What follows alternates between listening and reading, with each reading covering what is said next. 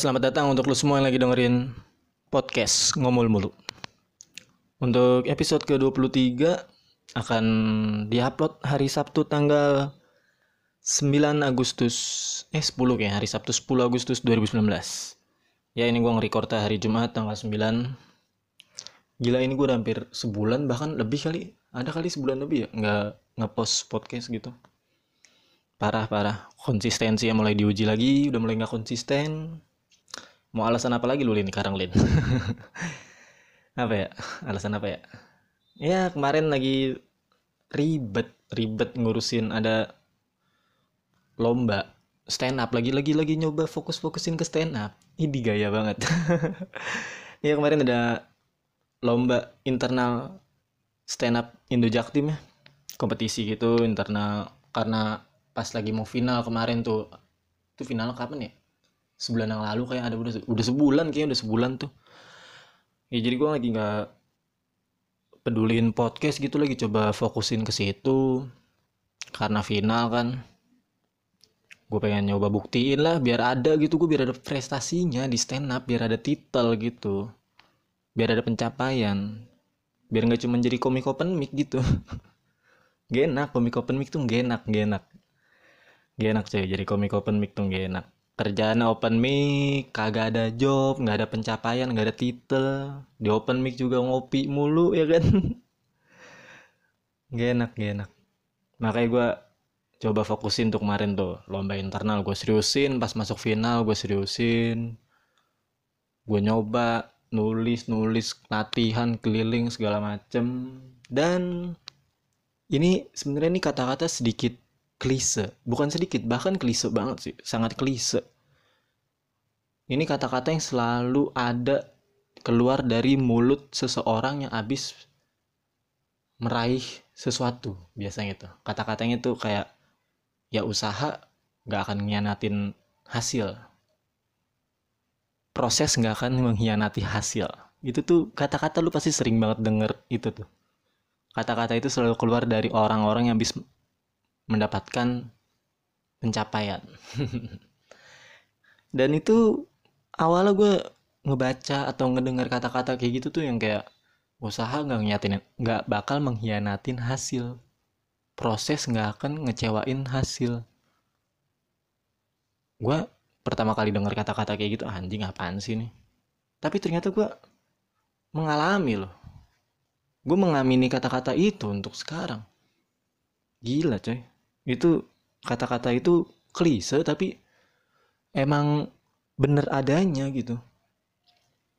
Ya gue pas lagi sebelum final lomba pemilu Jaktim kan nama nama nama kompetisinya tuh pemilu Jaktim ya. Pemilihan komik lucu se Jakarta Timur saya Indo Jaktim gitu. Ya gue sebelum pas final tuh gue bener-bener usaha banget gitu gimana caranya gue bakal menang? Gimana nih biar menang nih?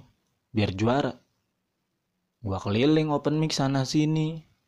Gue nulis begadang tidur pagi mulu. Dan alhamdulillah ya hasilnya nggak nyanatin apa yang udah gue keluarin dari usaha gue gitu Alhamdulillah gue juara satu. Boleh boleh boleh. Tepuk tangan tepuk tangan lu yang lagi dengerin lu tepuk tangan. Gak apa-apa lu lagi dengerinnya lagi di jalan di kereta di busway gitu atau di mana. Tepuk tangan dong. Apresiasi dikit. Respect respect kecil lah.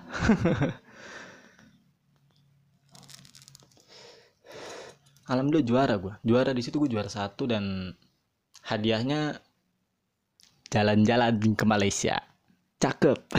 Bukan pantun dong. Ya jalan-jalan ke Malaysia lah da dari hadiah dari abang-abangan atau senior Rahmat Ababil senioran Jaktim.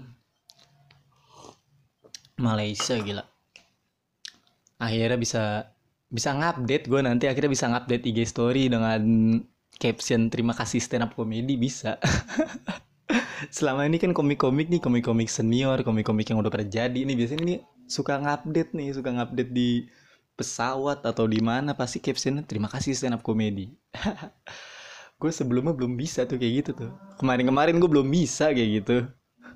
Mau nulis nulis terima kasih stand up komedi apaan yang mau diterima kasih? Orang cuma tiap hari open mic mulu. Kagak belum ada yang didapat dan alhamdulillah akhirnya udah ada yang gue dapet nih nanti gue bakal ngupdate pokoknya bakal ngupdate. Terima kasih stand up komedi akhirnya. Ya tapi masih lama sih.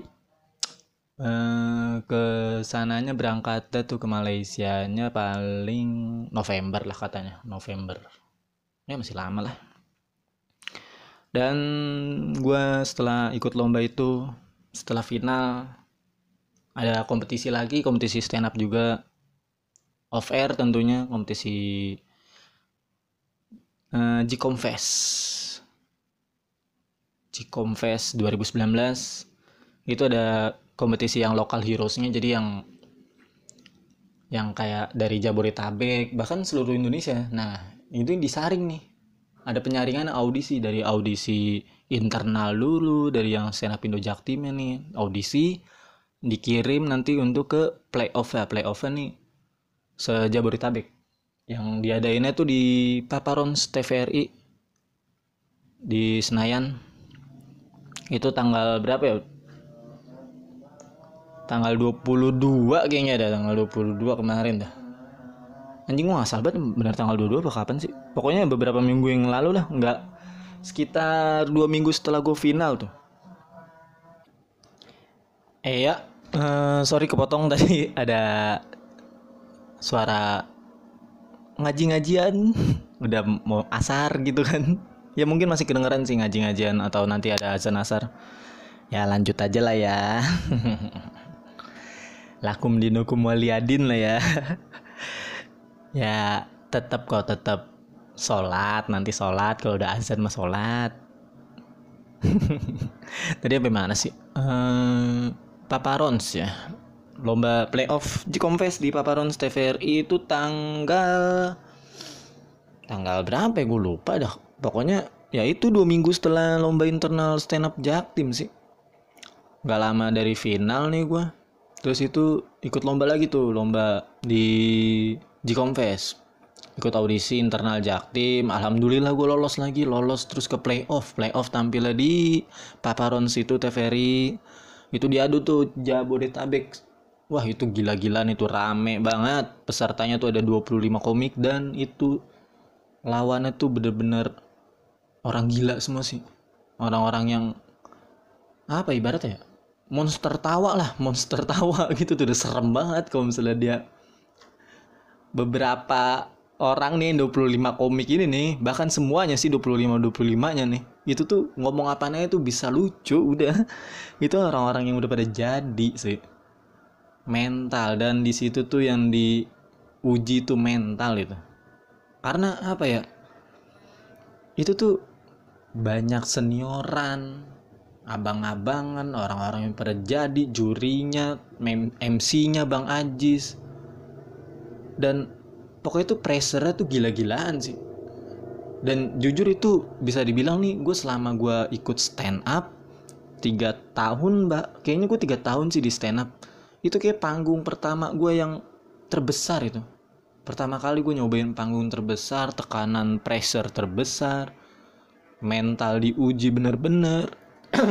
Pokoknya men mental bener-bener diuji di situ tuh pas lagi playoff itu.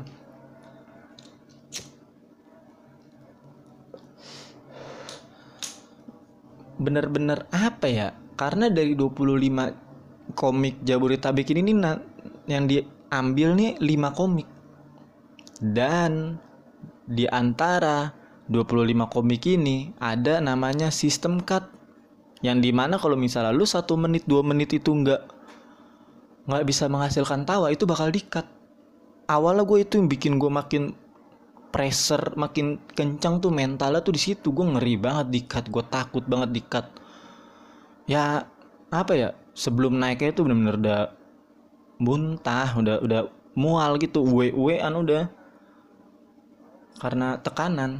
Dan ya ya gue bakal ngelakuin apa yang gue lakuin di final sih kayak kayak ya udahlah gue lepas saya lah bodo amat lah nggak usah ditahan-tahan nggak usah dipikirin atau gimana tampil lepas dan alhamdulillah enjoy. Gue tampil tuh nggak nggak alhamdulillah nggak dikat alhamdulillah banget nggak dikat. Ya walaupun berakhir dengan nggak lolos ke selanjutnya nggak ke final G-Confess yang tampil di G-Confess tuh di Kemayoran. Ya gue nggak tampil tapi nggak masalah. Di situ gue ngerasa puas aja sih pas lagi selesai tampil di playoff yang 25 komik ini nih gue ngerasa udah puas di situ. Walaupun gue nggak lolos gue ngerasa puas. Karena apa ya? Karena ya begitu gue gitu panggung pertama dan alhamdulillah nggak ngebom gitu. Ngebom tuh istilahnya kayak anyep lah alhamdulillah banget gue nggak ya lancar lah alhamdulillah. Dibilang pecah banget juga kagak. Ya pokoknya ya berjalan lancar lah. Karena emang gue berharap sebelum gue tampil aja gue berharap tuh ya jangan sampai anyep gitu penampilannya. Jangan sampai dikat jangan sampai anyep. Dan harapan ekspektasi gue tercapai sih. Coba gue harapannya gue lolos. Ya ya udahlah. Yang penting mah nggak muluk-muluk dan apa lagi ya? Anjing dalam lama nggak nge-record podcast jadi gini nih. Kaku lagi. Ya di G itu akhirnya itu gue datang ke acara festival komedi.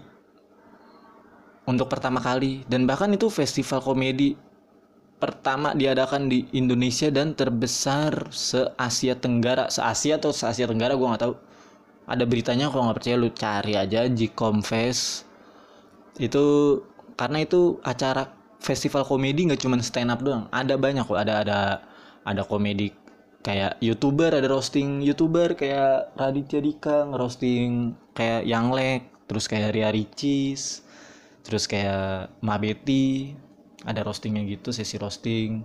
Terus ada sesi roasting Deddy Kobuzer yang di roasting dengan ada Panji Pragiwaksono, Ernest Prakasa dan Ajis 2000.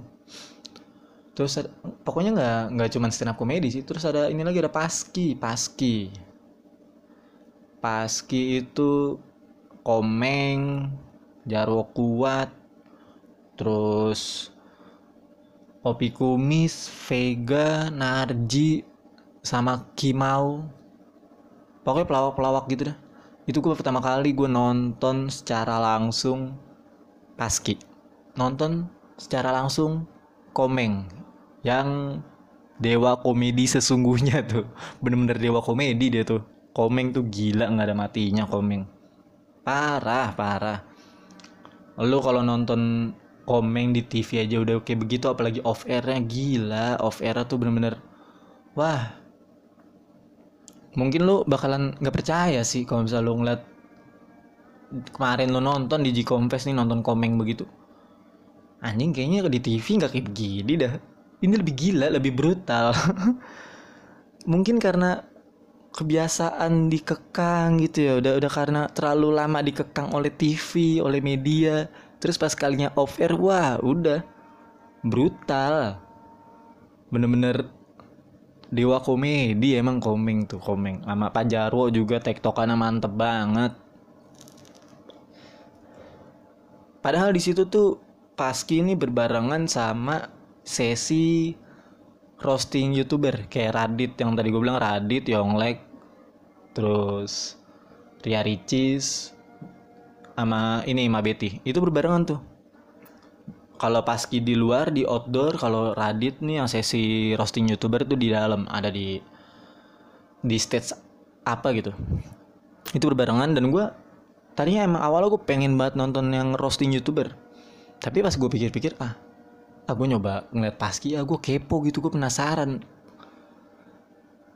Pas gue nonton paski emang wah ini nggak nyesel sih gue nggak nyesel gue nonton ini gue nggak nyesel emang kebayar banget sih itu. Nggak kecewa. Parah. Komeng tuh wah. Cuman apa ya?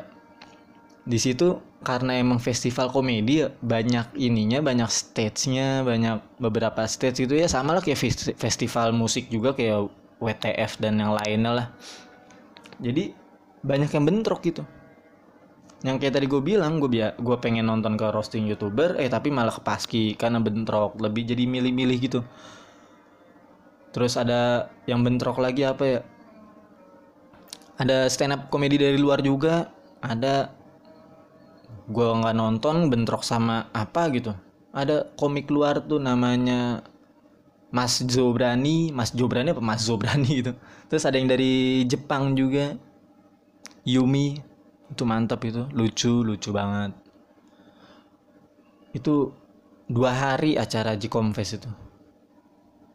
Itu bener-bener wah sukses banget sih. Oh iya sama ada yang national competitionnya yang gue cuman ngikut nyampe di playoff doang tuh. Dan pemenangnya adalah dari stand up Indo Jaktim Alif Bayhak ini gokil gokil. Tepuk tangan lagi dong tepuk tangan respect dong. Ayo dong. Gila keren banget. Itu gue wah ya bendera Jaktim berkibar di Jikomfest tuh keren keren. Berkat Alif Bayhak juara satu. Emang nggak ada matinya sih emang benar Alip juga nggak ada matinya. Gila orang gila juga Alip gila gila. Itu juara dia juara satu disitung mengalahkan se Indonesia itu national competition se Indonesia dari dari Aceh dong ya gue nggak tahu dah. Dari Aceh kayak nggak ada dari Sumatera sampai Papua dan juara satunya dari stand up Indo Jaktim ini gue sebagai komik Jaktim bangga loh. Akhirnya berkibar gitu bendera Jaktim tuh berkibar juara satu.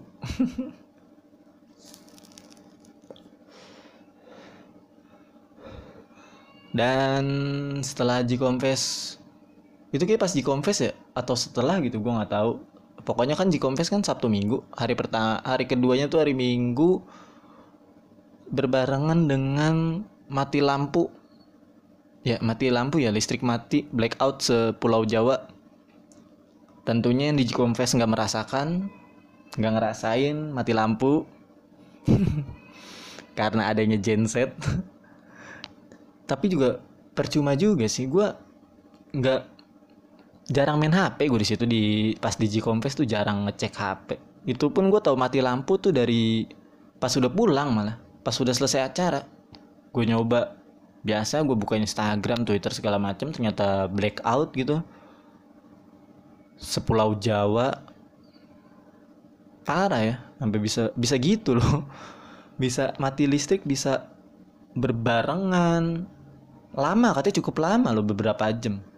Dan bahkan ada ada yang sampai susulan ya mati lampu susulan yang sampai hari keduanya juga ada hari Seninnya. Dan di rumah gue yang daerah Bekasi juga kena juga sih. Keranggan Bekasi ini. Kena mati lampu. Tapi gue nggak ngerasain karena lagi di Jikomfes lagi di luar tidak merasakan mati lampu. Kalau gue tidak ke Jikomfes nggak kebayang. Pasti bete itu bete biasanya manusia pada umumnya seperti biasa membutuhkan listrik membutuhkan sinyal. Katanya sinyal juga jadi susah katanya jadi susah. Gue biasa main Mobile Legend mungkin kalau lagi Mobile Legend tiba-tiba mati lampu gitu kan pasti bete banget itu. Udah pasti AFK dan orang-orang seperti biasa pada saat blackout pada saat mati lampu sampai lama begitu dan luas kan sepulau Jawa. Seperti biasanya selalu menyalahkan selalu mencari korban selalu mencari kesalahan bukan mencari korban selalu mencari kesalahan selalu mengkambing hitamkan. Dan tentunya disalahkan adalah pihak PLN gue nggak ngerti kenapa kenapa orang-orang tuh langsung pada nyalainnya PLN nih gimana sih? PLN gimana? Padahal kan ya pasti ada sebabnya listrik mati PLN mematikan atau memutuskan aliran listrik pasti ada sebabnya tapi itu orang-orang tuh udah ramai menghujat di Twitter, di Instagram, semua sosial media langsung ramai ngehujat PLN. Kasihan loh. Sampai bahkan ada kalau lu lihat di Twitter ada yang lagi rame tuh pas lagi yang mati lampu berbarengan itu sampai ada foto petugas PLN di daerah mana gua nggak tahu. Pokoknya lagi benerin al, al aliran listrik kabel tiang listrik tuh sutet atau gimana gue nggak tahu namanya apa.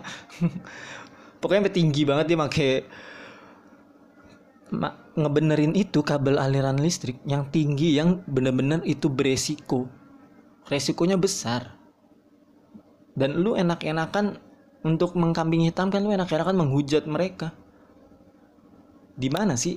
Jalan pikiran orang-orang yang suka menghujat tuh di mana? Gue nggak ngerti dah. Nggak memikirkan pihak orang-orang yang seperti itu. Sabar gitu loh. Lagi pula juga ada ada sisi baiknya. Pasti pasti ada pasti ada ada hal positif di balik blackout kemarin. Dan ternyata emang ada ada ada ada kok. Nggak lama kemudian muncul berita artikel bahwa polusi udara DKI Jakarta berkurang pada saat blackout pada saat mati listrik. Berkurang langsung bersih. Polusi polusi udara udara Jakarta langsung seger lagi. Padahal beberapa hari beberapa minggu akhir-akhir sebelum lagi yang blackout itu kan berita selalu polusi udara Jakarta memburuk. Setiap pagi udara Jakarta kabut muncul kabut segala macem. Sampai ada himbauan disuruh kalau keluar rumah pakai masker. Sampai ada ada ada himbauan begitu. Tapi setelah adanya blackout nggak lama kemudian polusi udara membaik. Ya ada ada sisi positifnya pasti. Ya kalau mau tetap terus lu menghirup udara Jakarta segar dengan segar ya blackout aja terus mati lampu terus. Saya rutin setiap minggu seminggu sekali. Ya itu solusi pendek. Saran dari gua yang yang cukup pendek gitu saran-saran ngasal. Setidaknya kan lu bisa menghirup udara lebih baik ya kan? Nggak usah lah nggak usah terus-terusan hidup dengan gadget gitu loh terus apalagi ya? Mati lampu mati lampu. Agak sekarang tanggal mendekati Idul Adha. Lebaran haji musim haji. Jualan-jualan hewan kurban udah mulai berkeliaran. Kayaknya kalau gue perhatiin tanggal merah tuh bertepatan weekend mulu ya. Coba deh lu perhatiin deh Idul Adha nih minggu nih. Terus 17 Agustus nanti kayaknya weekend juga deh Sabtu. Pokoknya sampai akhir tahun nih setiap ada tanggal merah kayak weekend mulu deh. Kasihan yang pada pada sekolah pada kerja. Kasihan kagak ngerasain nggak ngerasain tanggal merah. Kalau orang-orang kayak gue mah nggak peduli ya orang setiap hari tanggal merah. Libur pengangguran. Libur libur mulu Idul Adha. Sebenarnya ada ada cerita menarik menarik sih. Menurut menurut gue menarik nih tentang Idul Adha tentang Idul Adha cukup menarik nih kayak kayaknya nih. Dulu sebelum gue tinggal di daerah Keranggan ini gue tinggal tuh di Lubang Buaya di Gang Pala tetanggaan sama Ki Joko Bodo ya dukun dukun dukun dukun Ki Joko Bodo pasti lo tau lah. Itu gue tetangga sama dia. Beda beberapa rumah doang kok. Dan Ki Joko Bodo nih unik coy. Mungkin kalau sekarang kayaknya dia udah udah tobat kayaknya. Kayaknya dia udah tobat deh. Udah udah bener-bener udah nggak jadi dukun. Udah hijrah. Udah sering ikut kajian kayaknya. Ikut Ustadz bahasa lama tuh udah udah udah ikut-ikut begituan tuh kayaknya barang Teku Wisnu yang pakai sling bag gitu kan terus pakai inian celana ngatung dikit. Udah ikut kajian kayak gitu bodoh kalau dulu nih sebelum ya pas lagi gue zaman zaman sekolah kayaknya zaman zaman SMA apa? Jadi pas lagi Idul Adha Ki Joko Bodo ini masih profesinya nih di KTP masih dukun. Masih dukun nih kalau sekarang nggak tahu udah apa kayaknya wira swasta kayaknya atau atau gimana gue nggak tahu. Pokoknya kalau dulu masih dukun. Pas masih dukun nih dia orang-orang luar kan pada percaya ya. Tapi kalau orang-orang tetanggaan orang-orang lubang buaya akamsi itu akamsi itu nggak nggak percaya dengan magisnya Ki Joko Bodo nggak percaya. Tapi pada makanya dengan nggak percayanya magisnya Ki Joko Bodo bahkan condong ke arah yang apa ya kan mayoritas rada kuat nih agamanya ya kalau di lubang buaya. Jadi adanya dukun ini ini nih kayak rada gimana gitu. Sampai di tahap yang Ki Joko Bodo pas lagi Idul Adha ini nih nyumbang sapi. Nyumbang sapi dan nggak diterima sama warga sekitar Gang Pala nih nggak diterima. Sapinya nggak diterima. Padahal udah nyumbang sapi nih sapi sapi untuk hewan kurban Idul Adha gitu nyumbang mengkurbankan seorang Ki Joko Bodo nih yang profesinya dukun. Dia kurban sapi tapi nggak diterima sama orang Gang Pala gara-gara dia dukun. Gara-gara dukun itu pasti kan hasil uangnya nggak berkah atau gimana gue nggak ngerti. Pokoknya karena agamanya kuat gitu orang-orang warga sekitar agamanya kuat tapi dengan adanya padahal ada niat baik nih. Niat baik dong Ki Joko Bodo walaupun dukun-dukun begitu niat baik untuk kurban tapi nggak diterima sapinya. Itu kasihan banget sumpah dia udah udah udah, udah beli sapi udah naro nih di masjid nih. Uh, yang ini yang jaga-jaga untuk bakal kurban gitu panitianya. Nih gue nyumbang nih misalnya Ki Joko Bodo nih. Nih gue nyumbang nih sapi nih. Nggak diterima dibalikin. Sian banget Ki Joko Bodo udah udah nenteng nih. Tadinya nenteng gitu nge ngederek sapi. Tiba-tiba nggak diterima dia balik lagi ngederek lagi sapinya dibawa lagi ke rumahnya. Dan lu tahu yang dilakukan Ki Joko Bodo ngapain? Dia nyum dia menyembelih sapinya sendiri. Dipotong sendiri di rumah. Dipotong sendiri. Gila. Sedih coy itu. Masih lucu-lucu sedih sebenarnya. Pas lagi tahu kabar-kabar begitu tuh di sisi lain sebenarnya lucu banget gitu. Orang udah bawa-bawa sapi ditolak terus dia balik dia akhirnya nyembeli sendiri.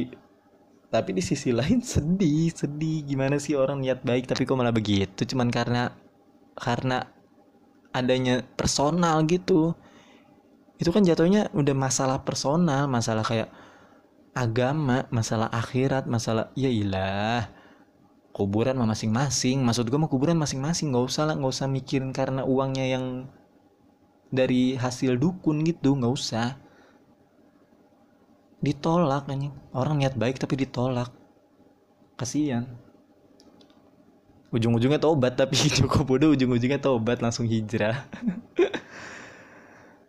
Dan kayaknya pas lagi dia tobat nyumbang lagi dan diterima kayaknya dah kayaknya kayaknya pas lagi dia gue lupa lupa inget sih pas lagi dia udah tobat nih. Dia nyumbang kurban lagi nih tahun tahun-tahun berikutnya dia nyumbang lagi kurban lagi diterima kayaknya. Kalau dulu mah pas masih profesi dukun kagak. Apa sih sebenarnya yang ditakutin dari orang-orang warga sekitar tuh apa ya? Gue masih mikir dan masih kayak nyari tahu jawabannya apa ya karena duitnya gitu duitnya dari hasil dukun.